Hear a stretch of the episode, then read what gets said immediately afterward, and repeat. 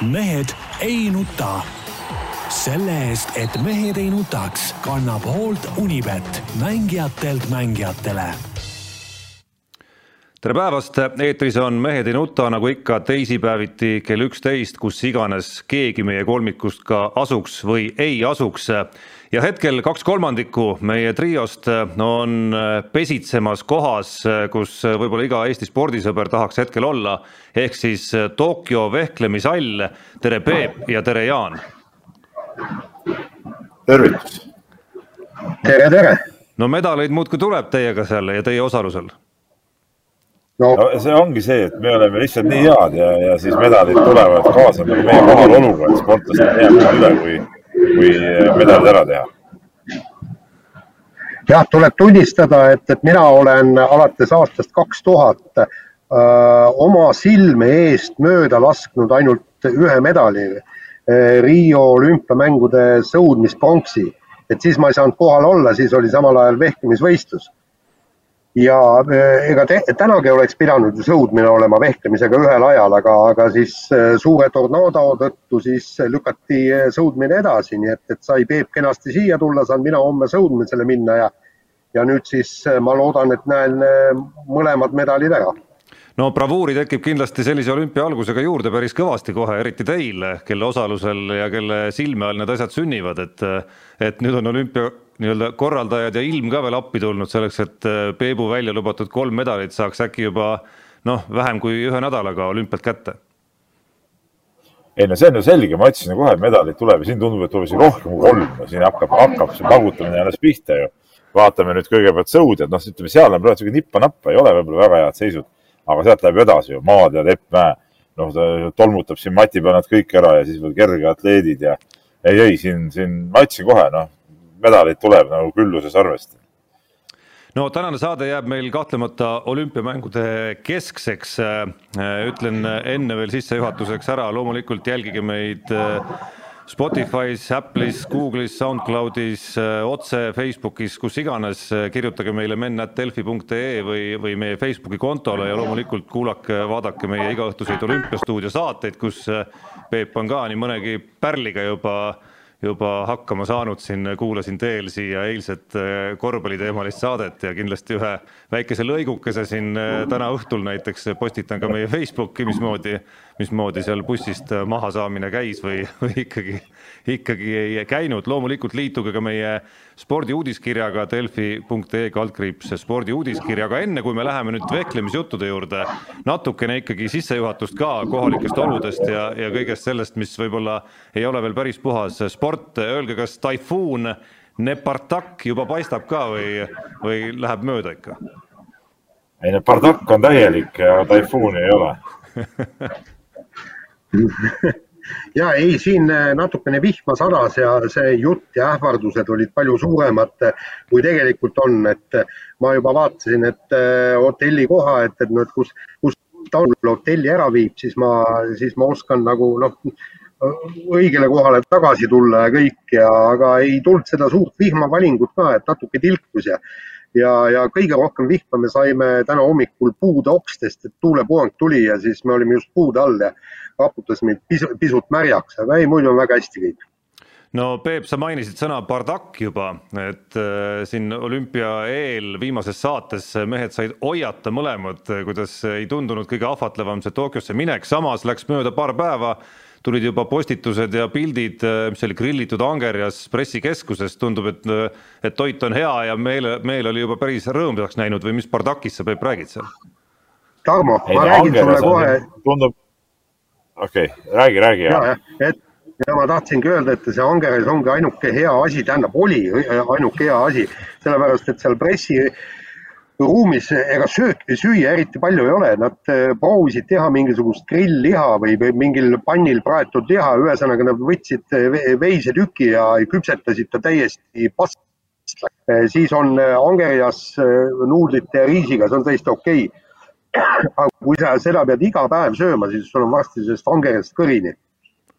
ja meil on ka niimoodi, et, et söögikohad pannakse ju kell kaheksa kinni ja ega me ei tohi seal söögikohtades väga käia ka niimoodi, et, et söögiga on tõsised probleemid, et uhame siin pitsat ja nuudleid sisse ja ja, ja noh, see ühesõnaga nii kehva sööki pole olnud ühelgi olümpial.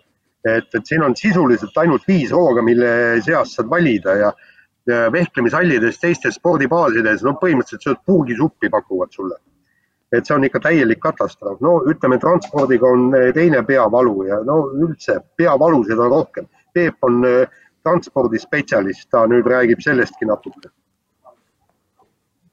et eh, nii halvasti, mul on ka ju kuues olümpiaada ja no nii kehvasti korraldatud olümpiat ja küsimus ei ole ainult selles koroona nendes jamades, vaid üleüldse nii kehvasti korraldatud olümpiat ma ei ole ennem näinud ausalt öeldes ja kogu see asi on, on äh, on väga ebamõistlikult tehtud ja ma ei tea, kas see on mingi Jaapani mingi eripära või ütleme siin nagu mingit loogikat nendes eh, ei transpordi eh, aegades, skeemides. Eh, noh, võtame siuksed asjad nagu, et kui, kui ähm, graafiku järgi noh, buss peab väljuma näiteks kaksteist null null onju, siis kuigi juba üksteist viiskümmend viis on buss nii täis, et rohkem inimesi peale ei lasta, et oodatakse järgmist bussi, siis see buss muidugi ära ei sõida, vaid sa seisad veel viis minutit seal.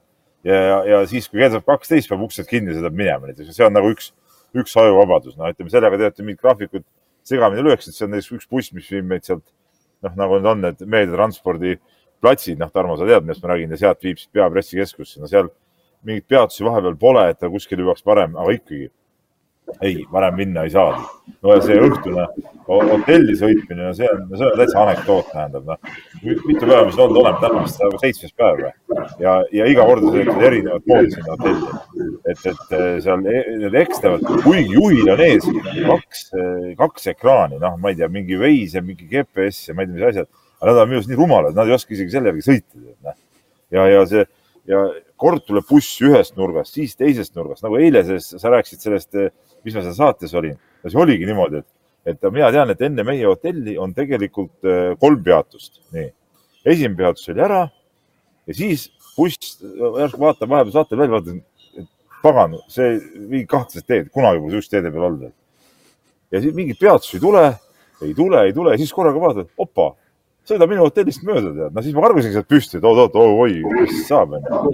siis, siis jõudsin selle bussi juurde, seisab midagi aru, siis üks vend tagant ütles, et kuule, eile oli ka nii, et nüüd ta käib seal mingi tiiru ära ja, ja tuleb tagasi, tead, noh. aga siis me sõitsime sealt üle mingi ristmikust ja tegi seal mingi planeerimatu peatuse, ma hüppasin seal välja. nii, siis ma jõudsin kuni kaheteistkümneni oli pitsakoht lahti, mul oli õhtusöök veel söömata. jõudsin eh, pitsa ära tellida.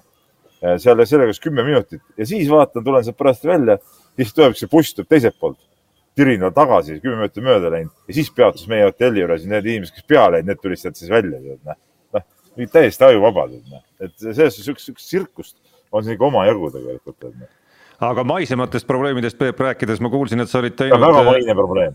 et sa olid teinud ühe väga strateegilise vea, et äh, olid enne olümpiale minekut juuksuris käinud, et see maksis Tokyo kuumuses kätte kõvasti. Ei, see maksis kätte jah, viga ei olnud mitte see, et ma juuksuris käin, see on nagu normaalne et mehe soeng peabki olema soliidne ja korralik, eks ole. aga äh, ma unustasin ükspäev mütsi maha ja see oli see päev, kui sõudjatel oli esimene see eelsõit ja no päike lõõmas ikka metsikult ja läksime peale sõitu siis mikstsooni sinna kolleegidega ja, ja sõudjatel läks päris kaua aega, me seisime üks kolmveerand tundi seal. ja no see oli ikka täitsa meeletu. alguses ma panin niimoodi käe siia pealae peale, et noh, päike jääb asjaks. no tuli läbi käe ka siis mul oli see üks, üks kaustik oli taskus, vaata vanakooli ajakirjanik ikka on nagu pastakas ja kaustik kogu aeg taskus onju. siis ma panin selle kaustiku niimoodi, niimoodi lahtiselt endale siia pähe. siis, siis hoidsin seda seal peal, no ei saanud olla, mis sa naerad, Tarmo noh. No, seda, seda tahaks näha kohe kordusest, sa saad äkki demonstreerida seda isegi. ei mul ei, ma tulin oma sellest äh, laua juurest ära, et me oleksime Jaaniga natuke üksteist eemal. et ähm, äh, no ei saanud, see pea reaalselt põles, pärast pealagi kipitas, nii, niimoodi päike põletas see hirmus, seisid ja sigi purskus, no pursk kaevust tuli otsast välja. Noh. aga mulle, kui see kuumuse peale see jutt juba läks, siis see kuumus on ilmselgelt olnud Tokyos äh, üks kõneaineid number üks ja ja on siin isegi olnud selliseid äh, lauseid rahvusvahelises meedias, et, et jaapanlased tegelikult on justkui nagu petnud selle olümpiamängude hankimise käigus äh, olümpiaisasid siis või, või neid, kes Tokyole selle korraldusõiguse andsid, et siin meenutati neid lauseid, kuidas Tokyo siis kui valiti olümpialinna kaks tuhat kakskümmend, eh, reklaamis siis, kuidas selline mõõdukalt soe ilm on täpselt sellel perioodil Tokyos, mis on ideaalne kõikideks eh, suurteks sportlikeks saavutusteks. tundub, et see, mis seal kohapeal on, on, on midagi kõike muud. no tegelikult ma ise arvan, et nii mõnigi medal läheb äh, äh, selle kuumuse tõttu kaotsi, sellepärast et sportlased ei pea vastu. minu enda silme all oli vibu laskmises, mõelge nüüd vibu laskmises, kui Vene sportlane lihtsalt äh, sai kuuma rabanduse ja äh, tal olid õnneks kõik nooled lastud. Ja, ja siis äh, käis seal märklaua juurest, löntsis tagasi ja lihtsalt vajus kokku ja arstid tulid juurde, turbutasid ta kuidagimoodi üles ja transport, transportisid ära ja Reena Pärnet ütles ka, et nad olid selle päikese käes, mitte mingit varju ei ole kolm pool tundi, sellepärast kaks tundi võistlust, poolteist tundi enne seda tullakse kohale, lastakse vibud sisse ja nii edasi, edasi, ettevalmistus käib, et äh, mina proovisin päikse käes olla äh, suutsin täpselt viis minutit, õnneks meil olid puud sealsamas lähedal ja, ja sain varju minna, aga sealgi oli juba nii kuum, et ühesõnaga ma käisin vahepeal ennast pressiruumis jahutamas. Need on ikka väga head, konditsioneerid kõik hea jahe õhk, et selles mõttes on äh, hea, aga väljas on täitsa kohutav. ma, ma ei kujuta ette, kuidas siin saab üldse sporti teha.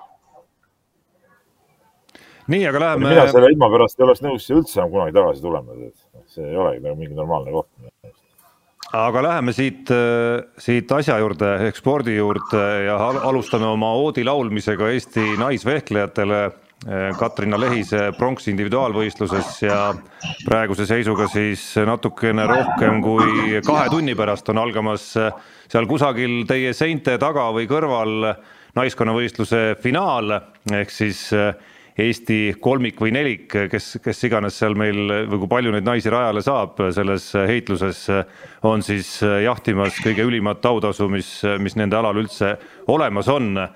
no kust see kõik nüüd tuli ja kust see kindlus kõik nüüd tuli, on, Jaan, sa oled jälginud eriti lähedalt ja Peep, sina ka mitte üldse kaugelt äh, meie naisvehklejate tegemisi juba päris, päris pikki aastaid, et, et me teame ajaloos neid närvilisemaid hetki, kui mängus on olnud üldse olümpiale pääsemine. Äh, nüüd tundub, et enesekindlus on nagu totaalselt laes.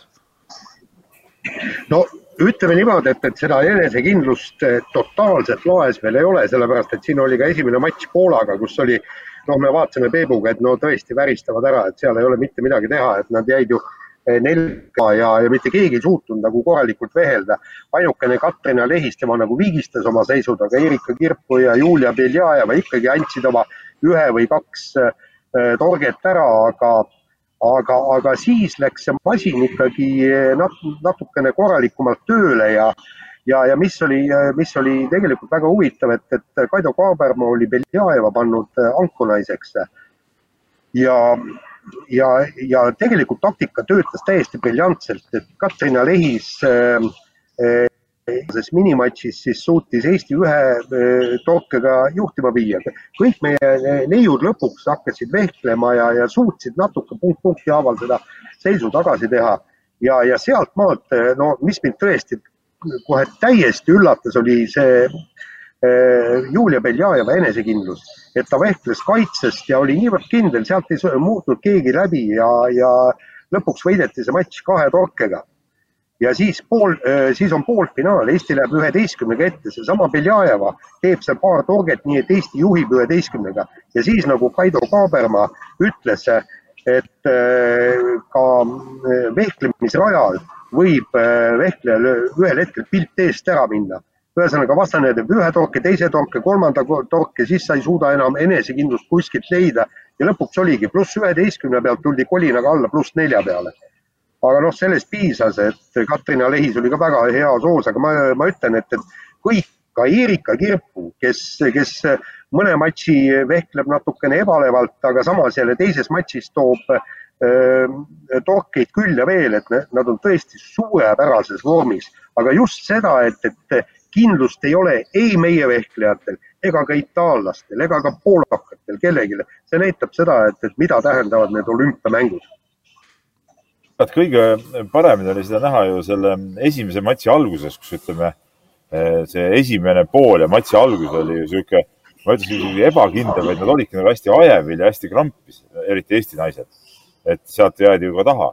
aga siis ütleme, kui sa juba oled nagu seal võistluses sees, noh, seal oligi poole matši peal oli näha, kuidas, kuidas see emotsioon tuli naistesse sisse, seal punktide järel hakati nagu emotsiooni välja elama ja üksteist rohkem toetama ja, ja ergutama ja, ja, ja selle pealt nagu, nagu tuldi üles ja, ja, ja saada ennast natukene vabamaks, et see võimaldaski seal lõpus teha neid ähm, vägevaid spurte ja, ja järgi võtta ja sama asi, ütleme, teises matšis nagu elati juba rohkem tead selles, selles äh, vehkluses sees nagu, et, äh, et nii on. aga noh, nüüd finaal, no see on ka, ega see vastane, kõik ju kartsid, et äh, Hiinat, eks ole, kes oleks nagu hirmus tugev, aga tuleb hoopis, hoopis Lõuna-Korea, et, et noh, mõned arvavad, et see võib-olla meile isegi noh, peaks olema nagu kasulikum, et, et lihtsam vastane, aga no ütleme finaalis kindlasti midagi lihtsat pole.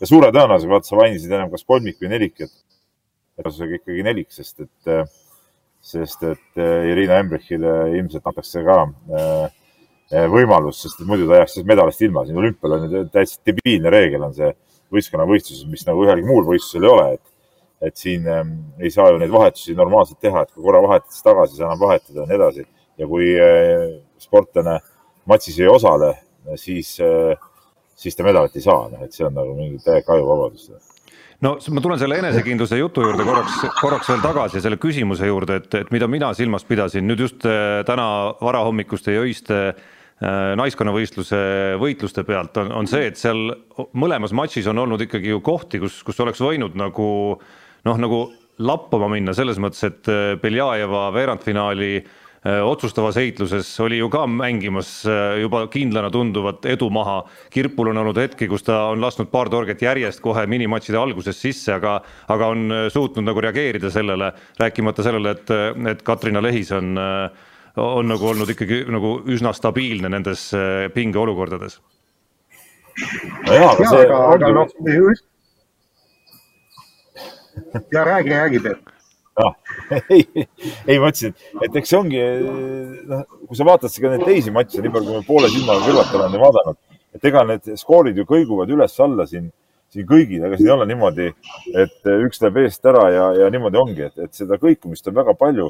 võtame kas seesama Itaalia-Venemaa esimene veerandfinaal, seal ju ka Venemaal, eks alguses oli ka nelja torkiga olid vist ees seal peale kolmandat või neljandat eh, minimatši, aga siis ühe matšiga kaotasid selle ära, jäid taha ja lõpuks, lõpuks oligi läinud, et, et, et need kõikumisi selles võistkonnavõistluses, see on nagu loomulik, noh, see oleneb ka sellest, et, et milline vastane kellelegi sobib, noh, nad ju võit-, võitlevad kõik kõigiga läbi, et, et, et minimatše ja, ja kuidas sa seda järjestust paned ja see, see kõik nagu mõjutab. kokkuvõttes on ikka tähtis see, mis see lõpptulemus on, et sa võid siin ühes, ühes matšis saada oma miinused, aga kui sa mujalt võtad need plussid tagasi, noh, siis on kõik hästi no võib vist öelda, et Eestile olümpiamängud ju, ju tegelikult on juba korda läinud, juhtugu edasi mis iganes või Peep? no ja no. vehklemisel on korda läinud. jah, ütleme niimoodi, et, et tegelikult äh,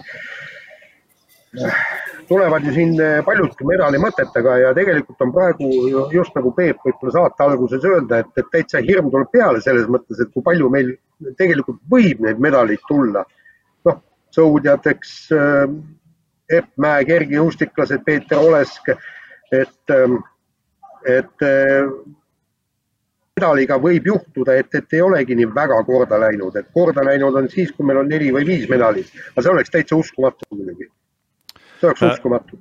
aga hüppame selle esimese ja mine sa tea, kui, kui suurt tähendust lõpuks terve delegatsiooni jaoks omanud medalini ehk siis Katrina Lehise individuaalvõistluse pronksmedal Jaan, oskad sa näppu peale panna, miks kolmest Eesti naisest just Katrina Lehis oli see, kes, kes suutis selle ära teha?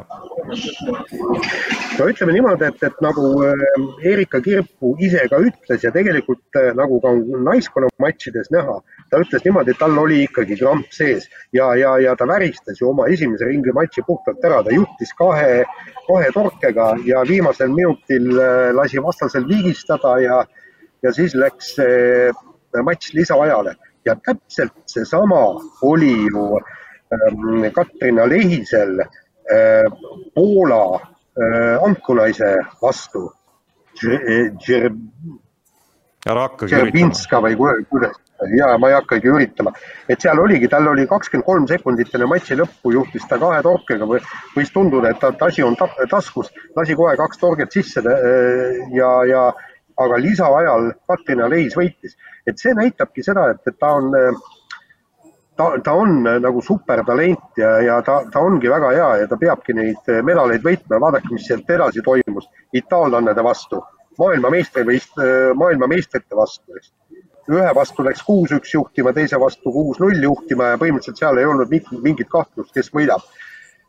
ja siis tuli vastu talle Anna-Maria Popescu, maailma esimõõk, kakskümmend kolm medalit võitnud rumeenlanna ja vot siin nüüd pani tema just oma kogemused maksma, aga Popescu oskas ära väristada jälle kullamatšis selle, selle võidu, et lihtsalt Katrin Lehis on nii hea vehkleja praegusel hetkel.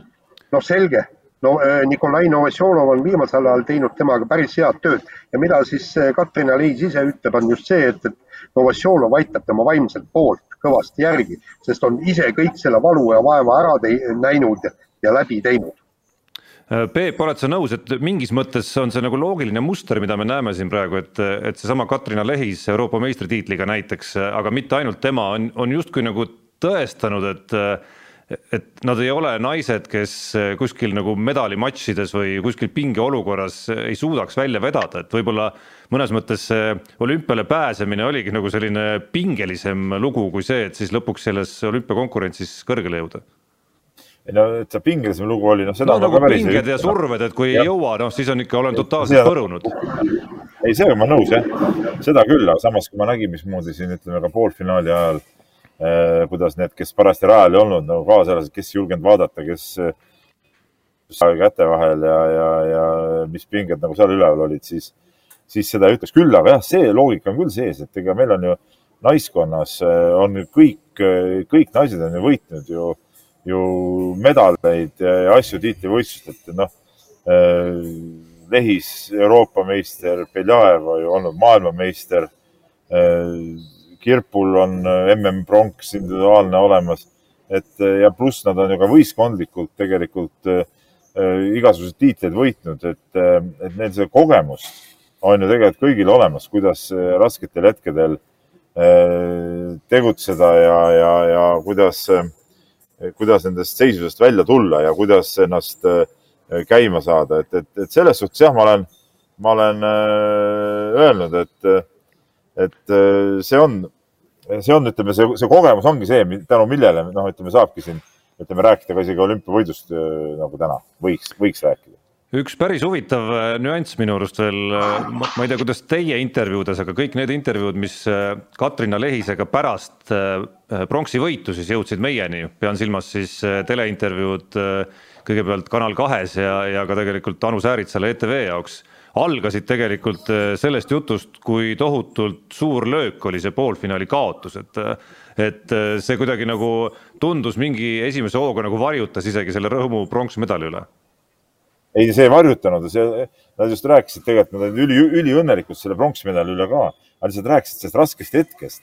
Ütleme, mis pärast poolfinaali lõppu oli, nad vaatasid üksteisele ka otsa ja seda noh, nagu Novosjolov ütles ka, et, et, et ei olnud küll kuskilt näha, et kus see pronksmedal võiks tulla, aga noh, siis nad suutsid ennast kokku võtta ja see nagu ongi niisuguse suure sportlase tunnus minu arust, et, et nad suutsid eh, sellest raskest seisust just seal selle, selle lühikese ajaga, mis neil sinna vahele jäi, nagu välja tulla ja, ja minna seda pronksimatši tegema ja minna seda võidu peale tegema, et, et ega neid niisuguseid olukordi on ju tippspordis ka palju ja tiitlivõistlustel, kus poolfinaali kaotaja noh, ei leiagi ennast äh, selles pronksi matšis ja, ja ei suuda ennast motiveerida, aga ütleme, nad said endaga nagu kõik korda ja, ja see oli, see oli nagu eriti kõva minu arust no,. ja ma..., ja Tarmo, Tarmo, ma ütlen sulle, et, et probleem oli ju tegelikult selles, et vehklejatel on nii, sa saad pähe, kõik nutad oma pea tühjaks, lahkud võistlusareenilt ja hakkad valmistuma järgmiseks võistluseks, sest vehklemises ei ole pronksi matši. vehklemises ainult olümpial võib juhtuda see, et sa hakkad pärast kaotust uuesti võitma medali pärast. ja, ja see oli, Katrina Lehis ütles, et, et see oli olukord, et ma kaotasin, ma elasin seda kõik läbi ja, ja nüüd ma pean ennast uuesti üles kütma ja ta ütles, ütles seda järgmine hommiku ju, et ütles, et on pea siiamaani sassis ja just nende emotsioonide pärast, et ühel päeval sa saad tappa ja samal päeval sa võidad medali. See on midagi niisugust, mida need vehklejad imeharva kogevad kas nüüd tagantjärele saab öelda, et kõik need valikud, mida Katrina Lehis on teinud, pean silmas siin oma treenerite osas eelkõige, on, on õigustanud ennast ja, ja aeg on näidanud, kui õigena kaks olümpiamedalit on selle kinnitus justkui? no ütleme niimoodi, et, et halvemaks ei ole asi läinud. nii et ja aga seda me ei tea kunagi, kuidas teise treeneriga oleks läinud, äkki ta oleks võitnud äh, mitte hõbeda, mitte pronksi, vaid kulla.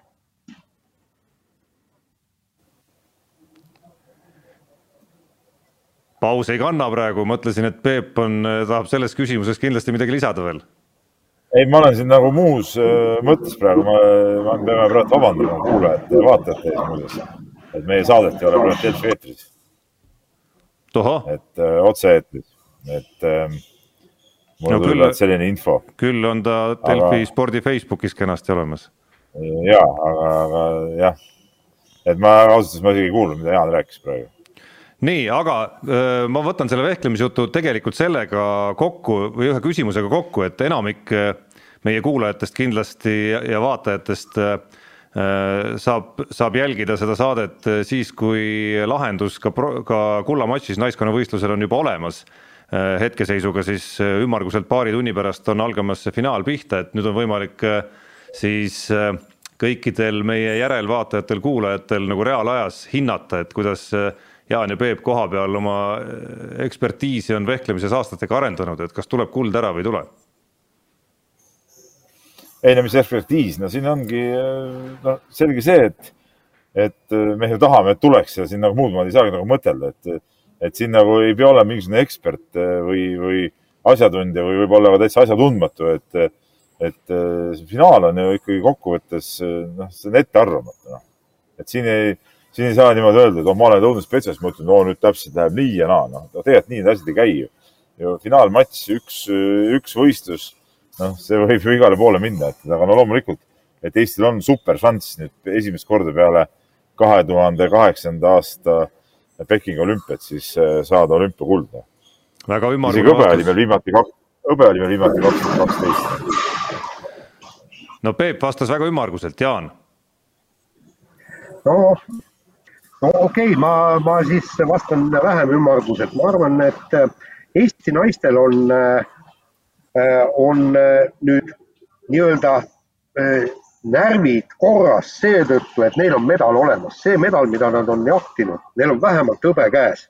Ja, ja nad lähevad äh, rõõmsalt ja vähem narveerides äh, seda matši vehklema.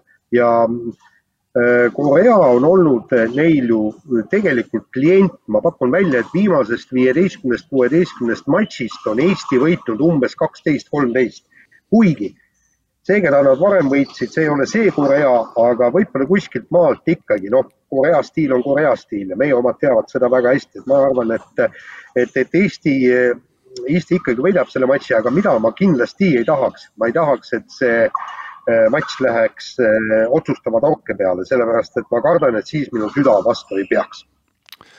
nii, loodame üheskoos, hüppame. oota, oota, oota, ma ütlen juurde et eh, ma natuke vaidlen Jaanile vastu et ta ütles, et, et meie naised on hõbedaga rahul. Ja tegelikult nii ei ole, Jaan, ma tean ise seda väga hästi, et see, et see teooria ei päde, sest et kui me läksime peale poolfinaali eh, mixed-tsooni lihtsalt, et mitte naistega rääkida, vaid, vaid et neile nagu lähedalt aplodeerida, siis ja, ja natuke õnnitleda ka ja siis, siis nad ise ütlesid ka Katrin Lehise suu läbi, et esiteks, et on, on eh, vara veel õnnitleda ja, ja kui sa ütlesid, et midagi on juba näppude vahel, siis ta ütles, et sellest ei piisa, nii et, et siin igal juhul äh, minnakse kulla peale välja, et siin nagu seda, seda juttugi ei ole, et oleks hõbedaga rahul nii, Peep, sinu ülesandeks jääb äh, juhul, kui läheb asi viimase torke peale, siis õpetada Jaanile neid äh,, mäletad, kuidas Riho Soonik vanasti otsustavaid hetki korvpallimängus vaatas, läks sinna kusagile tribüüni taha ja lihtsalt ei vaadanud, nii et äh, sinu asi on hoolitseda siis nendel hetkedel meie trio vanima liikme eest, aga nüüd hüppame küll teisele alale, hüppame sõudmise juurde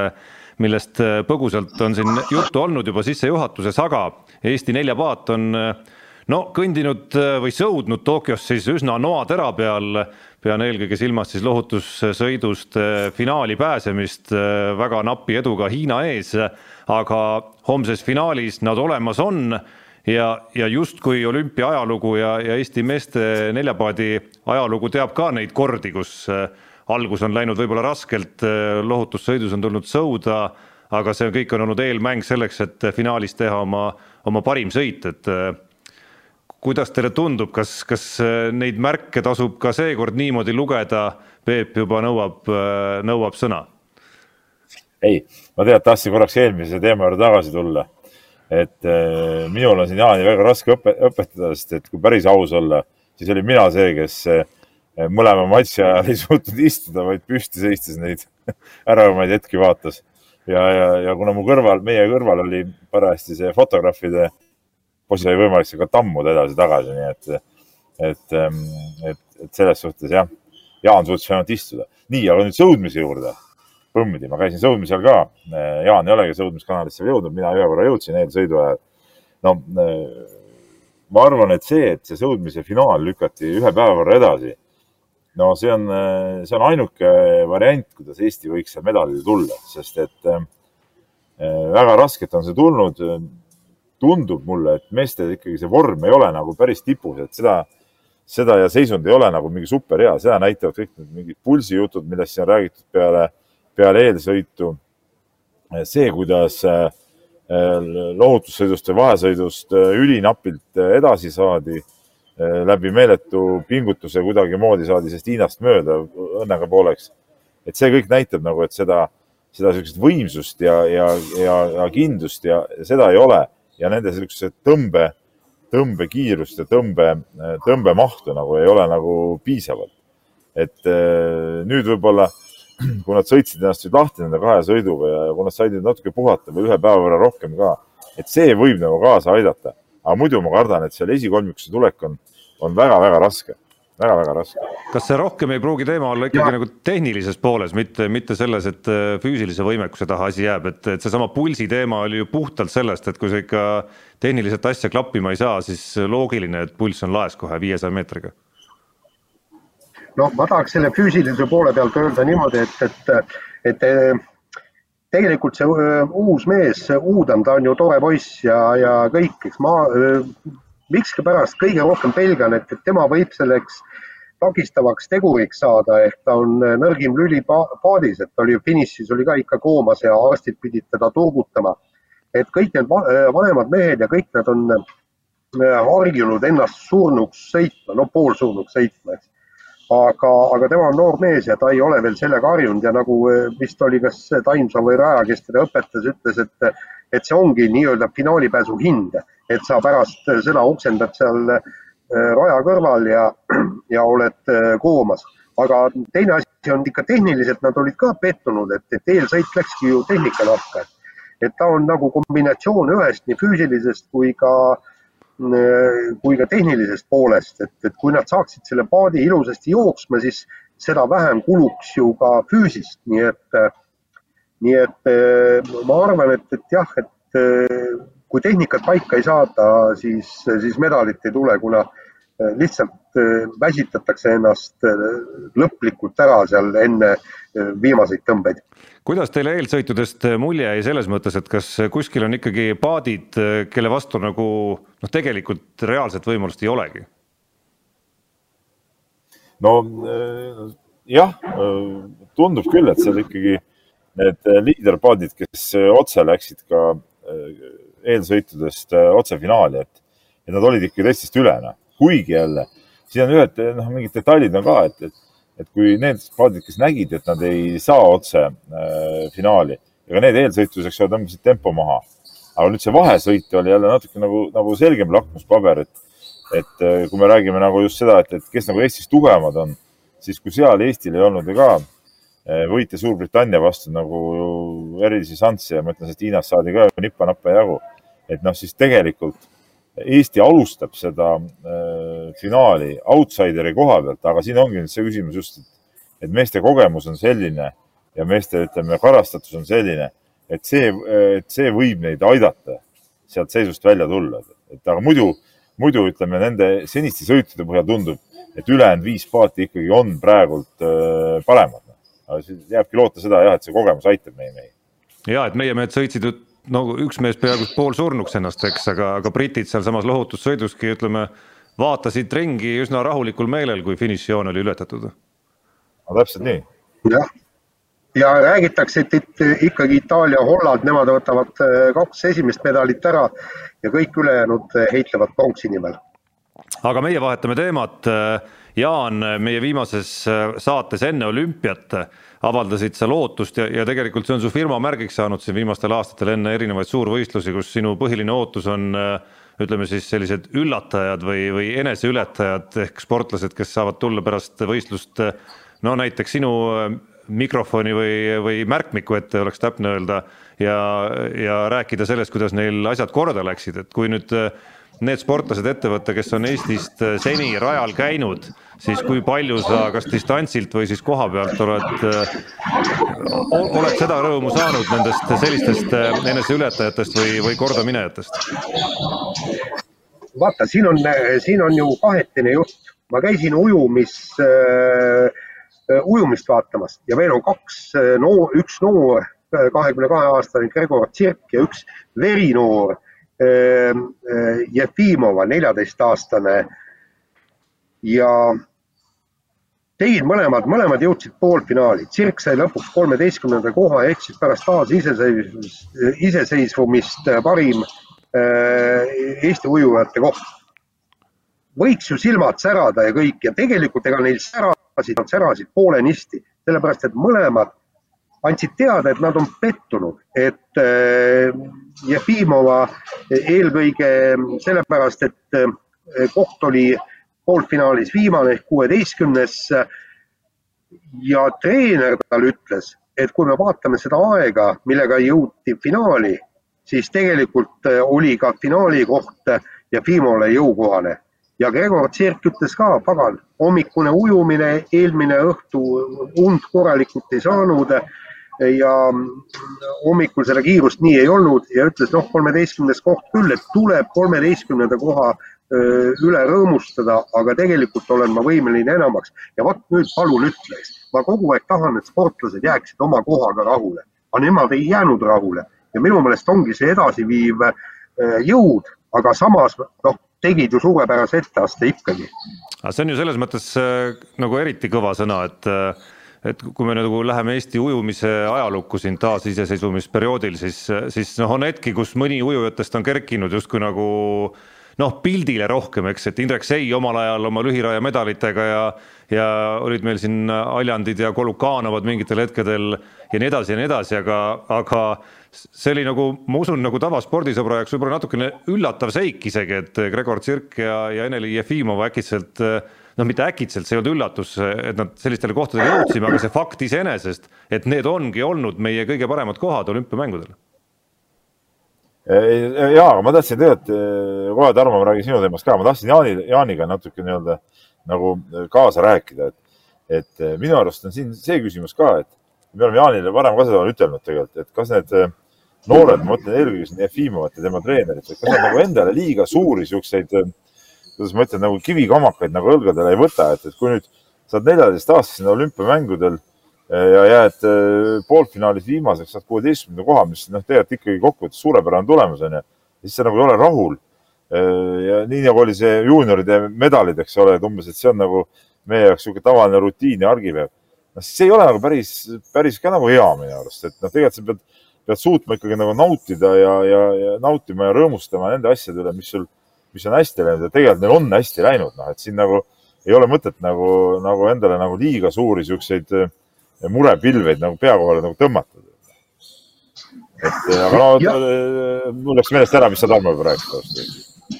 no Jaan sekundeerib praegu ja ei, ma tahan lihtsalt öelda, et, et samas jälle nad naudivad seda protsessi et nagu Eneli ka ütles, et, et see olümpia on niivõrd lahe, et ma tahaksin siin veel ja veel ja veel ujuda, et, et ta, ta oli noh, selles mõttes, et ainult kahe distantsiga peaks äh, piirduma, et, et, et nemad naudivad natukene teisi, teisi asju. ta ei naudi oma kuueteistkümnendat kohta, aga ta naudib just seda ujumist ja, ja võitlust kõrgema koha eest. mulle tundub, Peep, et see on natukene osa sellest äh ma ei tea, kui üldistada, siis sellisest nagu uue põlvkonna mõtlemisest, et ja mitte ainult ujumises, vaid päris paljudel aladel, kasvõi meie enda korvpallis või, või jalgpallis, kus noored, kes on tõesti nagu leidnud selle oma tee ja see ei puuduta sporti isegi, ma laiendaks seda need on, äh, kes on leidnud nagu õige koha ja, ja oma õige ambitsiooni, need siis ikkagi nagu teevad seda kõike nagu veel rohkem täiega, kui võib-olla mingid põlvkonnad nagu varem isegi, et kui sa vaatad meie korvpallureid, siis noh, nemad samuti ei, ei kipu nagu rõõmustama mingi seiga üle, et näed, ma nüüd pääsesin lihtsalt mingisse klubisse, vaid, vaid, vaid see nagu siht on kogu aeg nagu kõrgem ikkagi. aga pole eriti mingitesse klubidesse pääsetud ka, olgem ausad. Noh.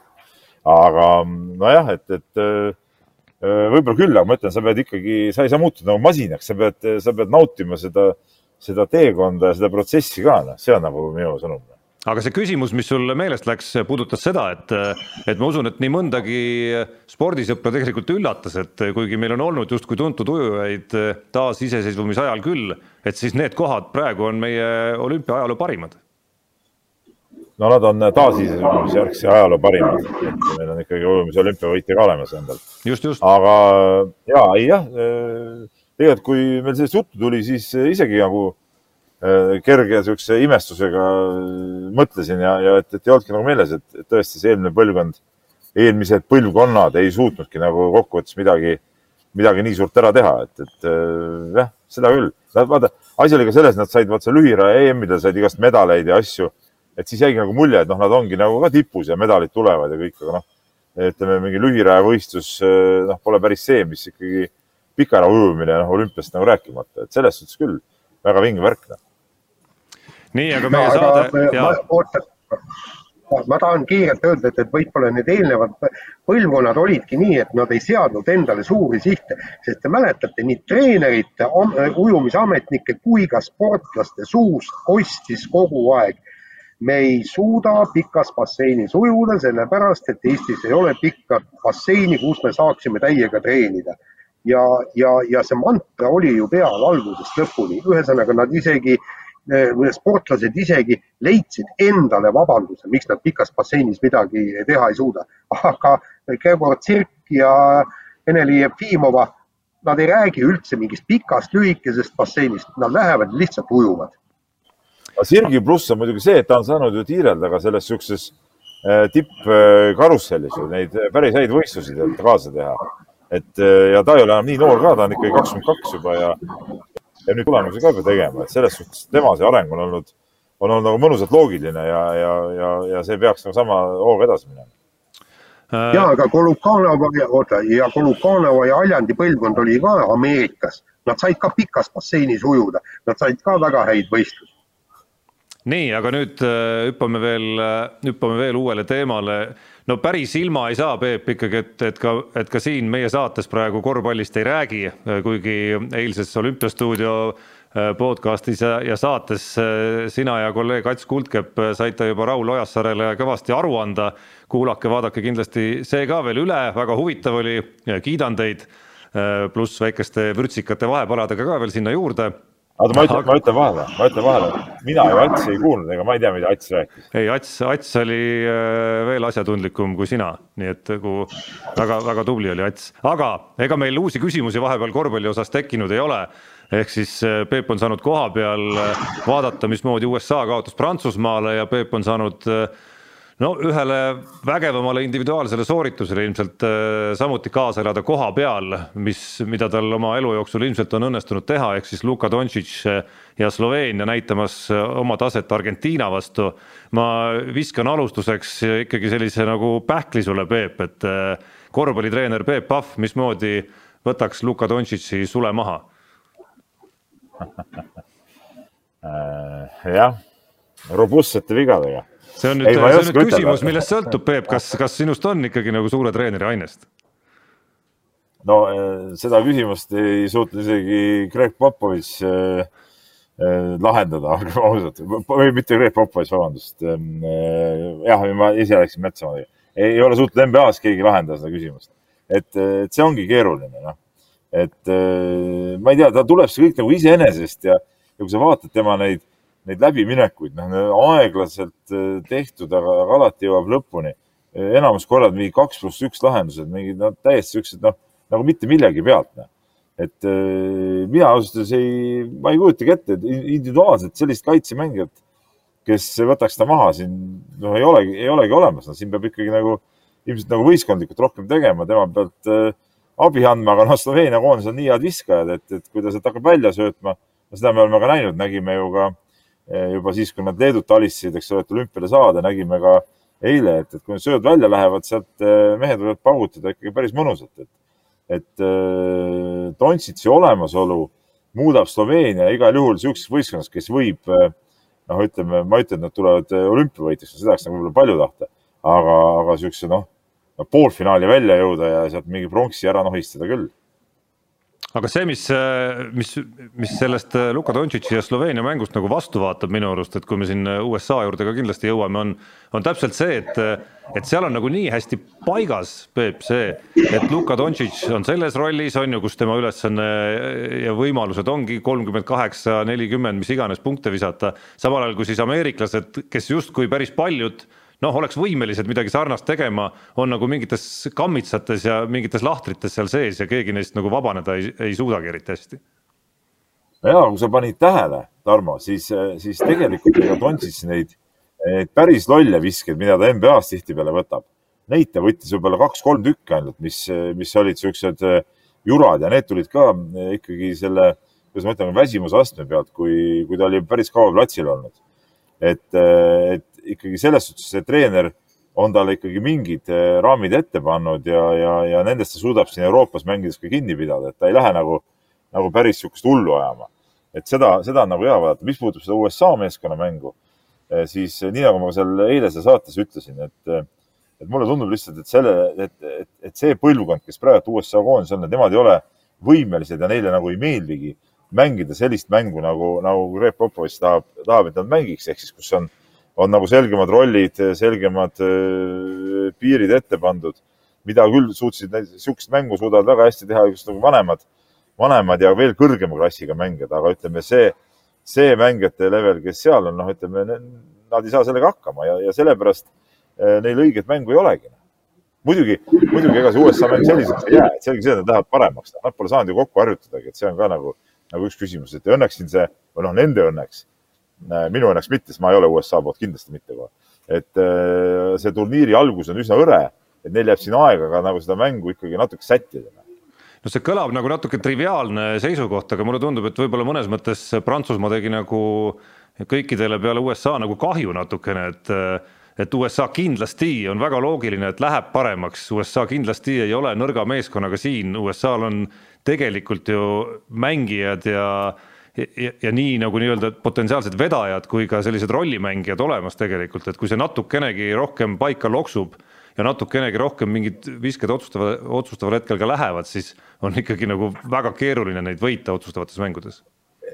jaa, aga siin on see küsimus, kas nad on valmis, need mehed ennast nagu võistkonnale allutama, noh, et, et sa ikkagi päris, päris niimoodi plähmerdada ei saa, et seal iga mees, kes võtab pähe, hakkab seal ise seal toimetama ja, ja siis see asi laguneb ära, et ütleme, need distsiplineeritud võistkonnad ikkagi lõpuks äh, võivad neist edasi jagu saada, et, et siin ongi see küsimus, et kui need, seal on väga head mehed ja loomulikult individuaalsed oskused ja kõik on nagu super. kui nad suudavad veel selle nagu meeskondlikuks mänguks panna, siis on neid äh, võimatu pidurdada, aga küsimus ongi selles, kas treenerid suudavad nendele meestele oma rollid nagu selgeks teha ja nad püsiks ka, püsiks ka nendes rollides. no mõnes mõttes nad nagu peavad, mõnes mõttes nad peavad leidma nagu selle, mis, mida näitas NBA finaal ette, ma ei tea, kui palju sa jõudsid, Peep, jälgida seda aga lõpuks ikkagi ju see meeskond, kes, kes sai, kelle, kus olid need rollid natuke paremini paigas ja kus, kus pall äh, liikus paremini ja kus ei olnud noh, Devin Booker mingites hetkedes minu arust hakkas nagu natuke liiga soleerima seal Phoenix Sunsi mängus et äh, lõpuks nagu see sats ikkagi, kes, kes nagu natuke rohkem suutis äh, sellist nagu meeskondlikumat mängu näidata, Milwaukee Bucks võitis selle lõpuks. ja loomulikult ja, ja sama asi, alustasime Dontsist selle jutuga, eks ole et tema on ju ka ikkagi, tal on see Euroopa korvpalli või nagu see võistkondlikuma korvpalli, see pagas on nii suur all, et talle on kindlasti lihtsam selgeks teha seda, et, et noh, kui sa nüüd tõesti, sa ei saa, sind võetakse mitme, mitme mehega kasvõi, pannakse kõik teed kinni, et pane see pall kõrvale ja sealt üks-kaks söötu ja, ja igal juhul vaba mees ju leitakse, et, et, et talle on see lihtsam selgeks teha, kui ütleme, niisugusele põlisele ameeriklasele kes on harjunud, et noh, mina pean tegema ja ongi kõik, et, et kui mina punni ei tee, siis see võistkonna võit umbes ei olegi, ei olegi midagi väärt, et, et nendele meestele on seda nagu raskem selgeks teha. et, et see on nagu võtmeküsimus jah, kuidas, kuidas, kuidas treenerid, noh, seal treenerite sastav on ju, ju ka ülikõva, eks ole, et kuidas nad suudavad need meestele asjad selgeks teha lõpuks. laseme siia vahele nüüd kiirelt ühe kõlli ja oleme juba ka tagasi, kiire vahemäng või, või lõpu eelmäng. Epp Mäe treener Ahto Raska elas päris korraliku ehmatuse üle olümpiamängude kohe hakul, andis siis ühe valepositiivse koroonaproovi. no siit on sujuvalt hea küsida, et kui palju teie juba olete pidanud seal, seal seda sülge siis loovutama? No ütleme niimoodi, et, et äh, esimestel päevadel iga päev tuli topsi sülitada, see tops kuhugi poetada. iga päev täidame äh, mingisuguseid äppe, kuhu siis kirjutame oma temperatuurid, noh, mis on laest võetud muidugi.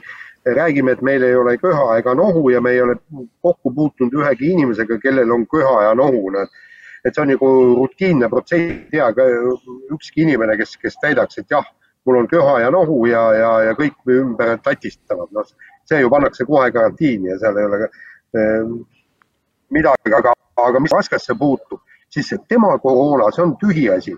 seal oleks ju olnud kohe lähikontaktsed, oleks Epp Mäe olnud ja Grigori Minaškin ja ma ei tea, kuivõrd nemad oleks saanud seal olümpial osaleda või vähemalt igasugused probleemid oleks neil tõsiselt tekkinud. aga Tarmo, ma tahan sulle veel öelda seda, et üheksa minutit on saate lõpuni aega, et me väga üle tunni ei tahaks seda teha, et kuna me juba kibeleme äh, vaatama ja valmistama finaaliks. no siis vahetame teemat, jätkame kergelt koroonalainel. Kristin Kuuba, meie sulgpallur ütleb, et räägitakse, et siin on väga head söögid, aga tema maitsemeel on taastunud, nii et Peep ja Jaan, aidake siis, aidake siis kuidagimoodi orienteeruda Kristinil praegu, et, et milline see söök siis on no mina ei tea, mis headest söökidest ta räägib, et, et ma ei ole peale sellesama kurikuulsa Angera, millest me siin saate alguses rääkisime, ei ole ma meediasööklates küll ühtegi head asja leidnud. Et see, see liha, millest Jaan rääkis, see oli isegi minu jaoks liiga, liiga maitsetu ja, ja kuiv. no nii, Jaan. olümp-, olümp-, olümpiabaasi on ikkagi üht-teist head süüki leitud, nagu ma ütlen, et väga head tulised raamensupid on siin. aga meenutame korra veel ka olümpiamängude avatseremooniat, Tõnu Hendrikson ja Tiina Ellermann kandsid seal siis käsi käes, käsikäes Eesti lippu. Peep, ma saan sinu kirjutisi lugedes aru, et kogu see üritus sulle muidugi ei jätnud üldse muljet. oh jumal, jumal, jumal. sina, sina meie selliste, ütleme nagu kultuurikavade ja, ja taidlusspetsialist absoluutselt, taidlus ja rahvakunst on, on, on minu, minu spetsiali, spetsialiteet, eks ole, ei.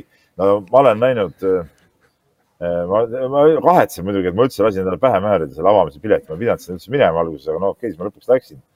Need olid nüüd siis neljas kord, kui ma vaatasin olümpiamängude avamist koha pealt, niimoodi staadionilt. ja no sihukest kukesuppi pole ma enne näinud, no see oli, alguses ei üldse aru, mis, mis üritus see on, et kas me oleme mingil mingitel matustel või, või, või kus kohas või, või mingit niisugust nagu programmi või, või niisugust nagu tavaliselt niisugused rõõmsad äh, kaasa kiskuvad need etendused, aga, aga juba panin ju koomikuid taha jooksma vahepeal, nägite edasi-tagasi. hea töö, hea töö.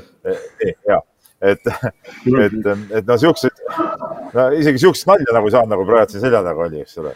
et noh, see oli, see oli ikka, see oli igavuse tipp ja, ja, ja ja kõik see, mis oli kuni selle hetkeni, kui hakkasid eh, need delegatsioonid marssima, oli ikkagi no mannetu väga,, väga-väga kehva, vilets, eh, mõttetu. ja siis muidugi kestis seal mingi tund ja tund ja see delegatsioonide tulek.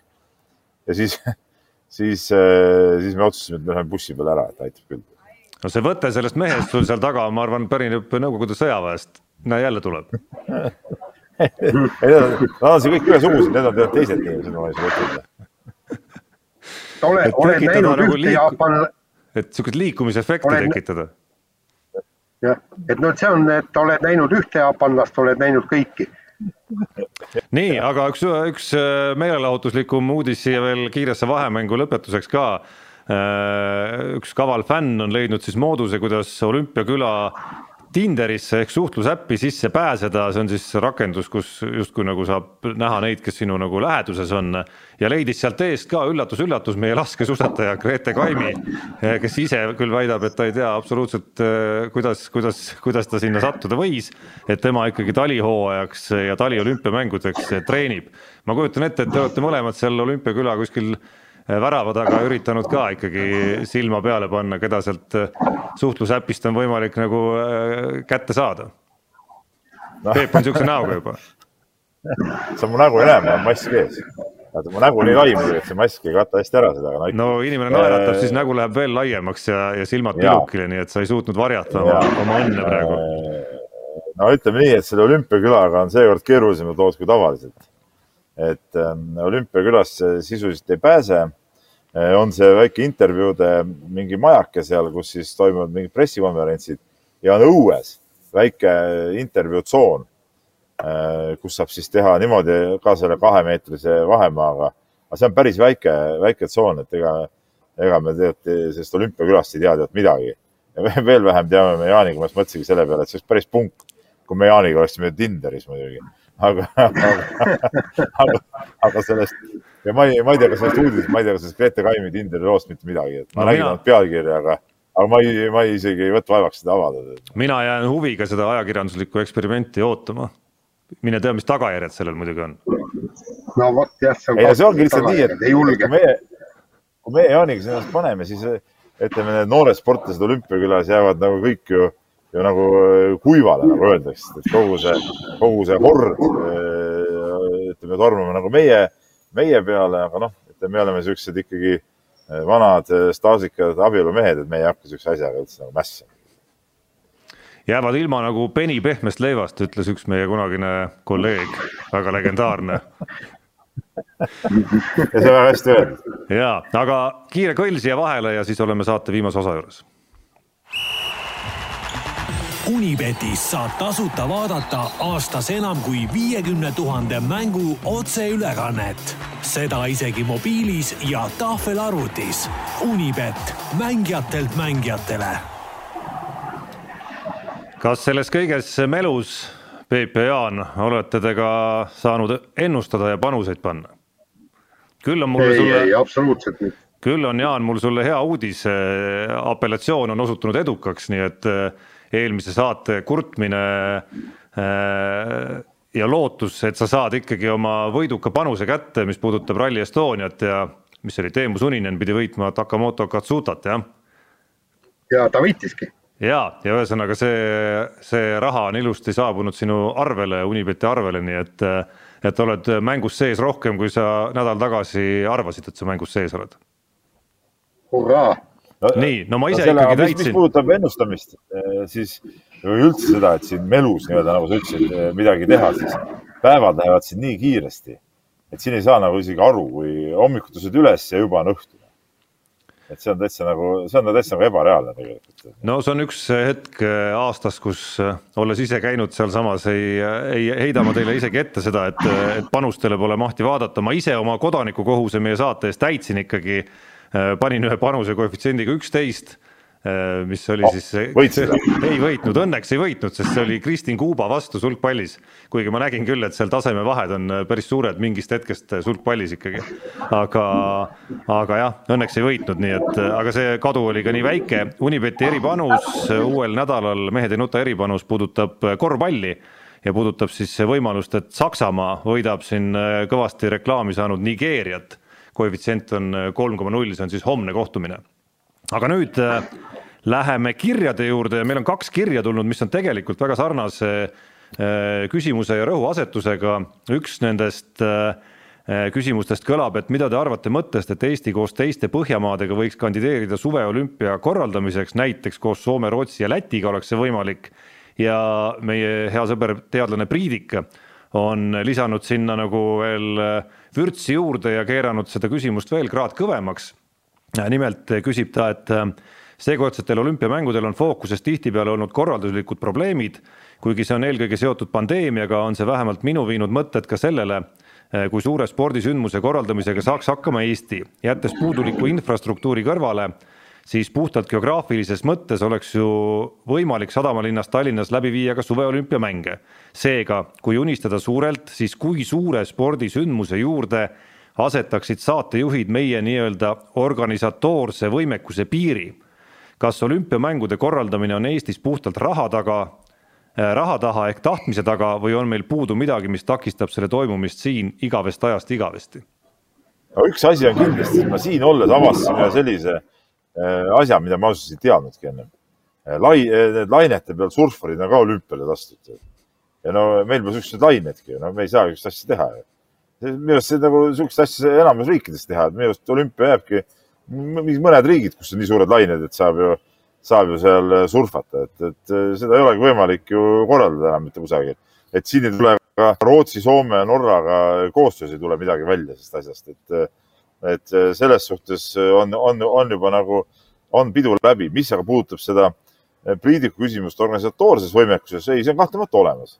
et et äh, eestlased ju korraldada oskavad ju tegelikult hästi ja enamus Eesti võistlusi on korraldatud nagu olümpiamängud, noh.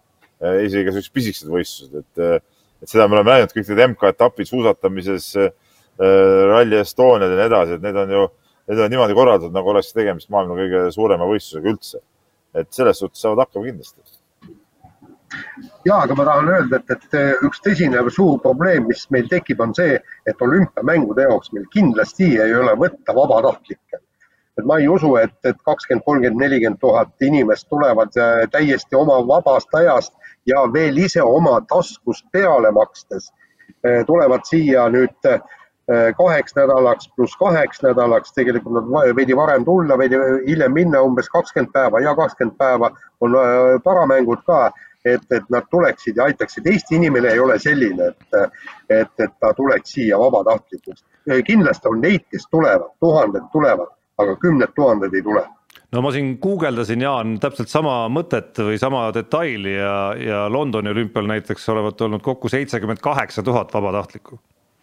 No just, palun, seitsekümmend kaheksa tuhat Eesti inimest, kes peavad peale maksma, sellepärast et vabatahtlik saab särgi jope, püksid ja tossud, elab koolivõimlas ja saab üks kord päevas süüa, võib-olla kaks korda päevas, aga kõik muud kulud peab ise katma, isegi kohalesõidud et mul on tunne, et ja, kui, aga, kui aga mingi... Tokyo olümpia näitab, et, et saab ka väiksema äh, vabatahtlike arvuga hakkama, sest et siin ei ole ju üldse praktiliselt vabatahtlikke, väga vähe on neid. noh, on, aga mitte nii nagu Tarmo, sa tead ka olümpiat, kus iga sammu peal on viis inimest sul siin kummardamas või midagi andmas. noh, siin eh, vabatahtlikke kui selliseid väga vähe, et, et eh, väga palju on igast politseinikke ja mingeid turvamehi ja, ja sõjaväelasi sul siin ette-taha kummardamas ja reguleerimas.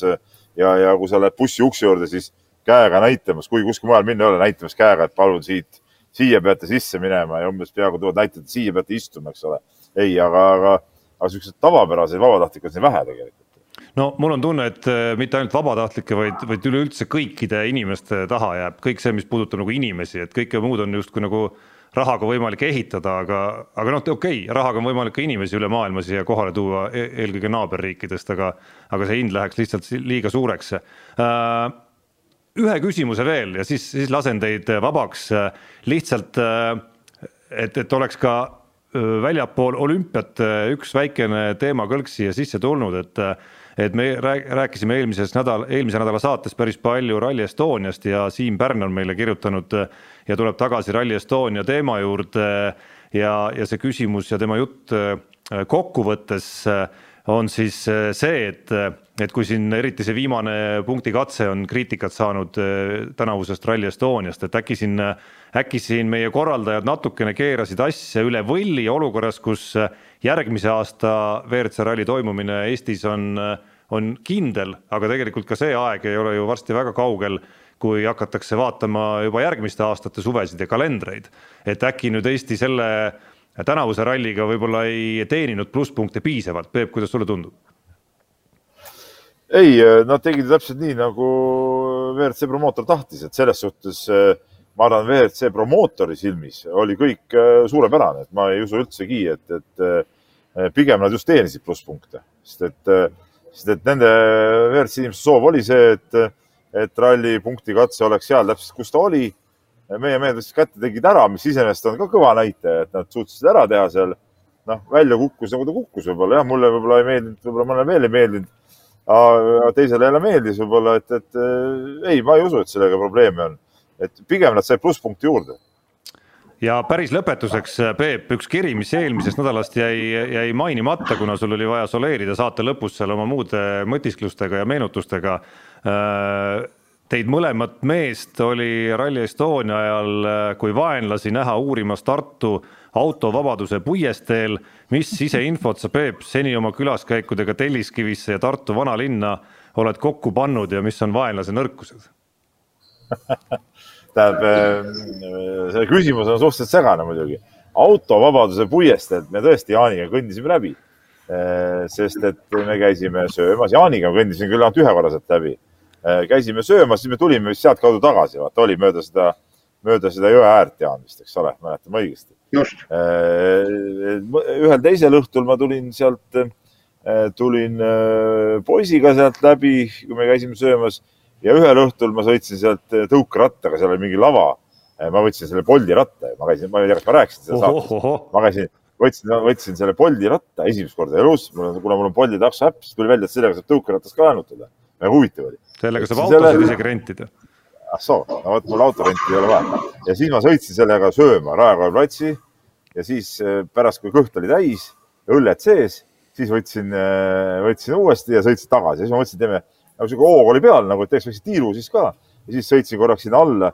ma ei tea, kas sa oled see autovabaduse puiesteel käinud, seal on väike lava, eks ole. ma käisin, vaatasin, kes seal lava peal musitseerib korraks ja siis ma sõitsin sealt hotelli ära. et informatsiooni, mulle see, see Tartu, see aparaaditehas oli selle nimetus, eks ole, vist see Tartu nagu ma olen öelnud ka, et, et, et, et, sealsed need söögikohad on nagu head ja ägedad. Telliskivi kohta ma ei oska midagi ütelda, seal ma pole tegelikult käinud sisuliselt, see see üks, üks öine käik, mis ma käisin, ega ma sinna Telliskivisse sisse ei saanud ju, see oli, see oli see õueala, et ma olin, ma nendest kohtadest ei seal midagi. et seetõttu mul puudub ka igasugune informatsioon, mida koguda. nii et, et kuidas ma ütlen, noh, on nagu on nii me elame. no ma tahaks, Peep, manitseda sind lõpetuseks ja kõiki kuulajaid ka, et eh, ka tõukerattaga sõites kehtivad samad liikluseeskirjad, samuti ei, kõik, mis puudutab promille, kehtib samamoodi ja, ja, ja minu vaatlus politsei infot eh, jälgides on see, et kusagil pooled eh, tõukerattaõnnetustest Tallinnas näiteks juhtuvad kusagil hilisõhtuti, öösiti, kus ilmselgelt hakkab rahvas liikuma kuskilt meelelahutusasutustest kodu poole. aga kuule, kas sa tõesti arvad et äh, prae kõrvale tehtud äh, kaks õlut tekitavad minus mingit promille või? et ma ei suuda tõukerattaga sõita või? ole nüüd mõistlik ikka.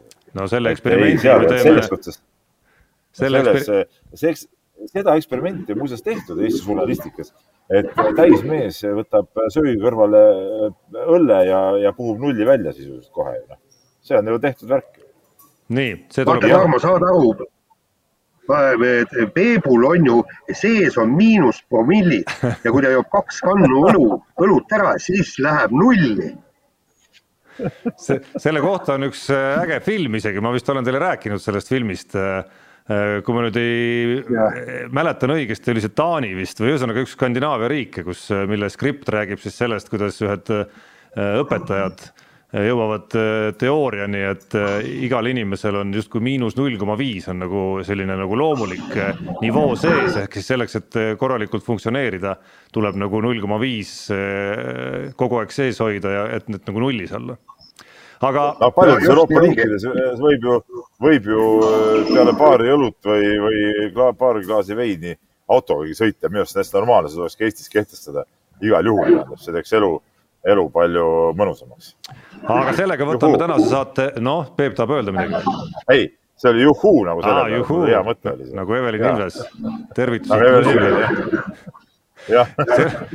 sellega võtame tänase saate jutud kokku, hetkeseisuga on tund ja kakskümmend minutit jäänud äh, naiskonnavõistluse vehklemisfinaalini hoiame pöidlad pihus, kes ei ole oma päevaplaane vastavaks sättinud, siis on viimane aeg neid sättida, me täname kõiki vaatamast, kuulamast ja oleme eetris nagu ikka järgmisel teisipäeval kell üksteist, kus iganes keegi on, kus iganes keegi ei ole. tänud Jaan ja Peep, tänud kuulajad-vaatajad ja kohtumisteni. mehed ei nuta. saate tõi sinuni Unibet, mängijatelt mängijatele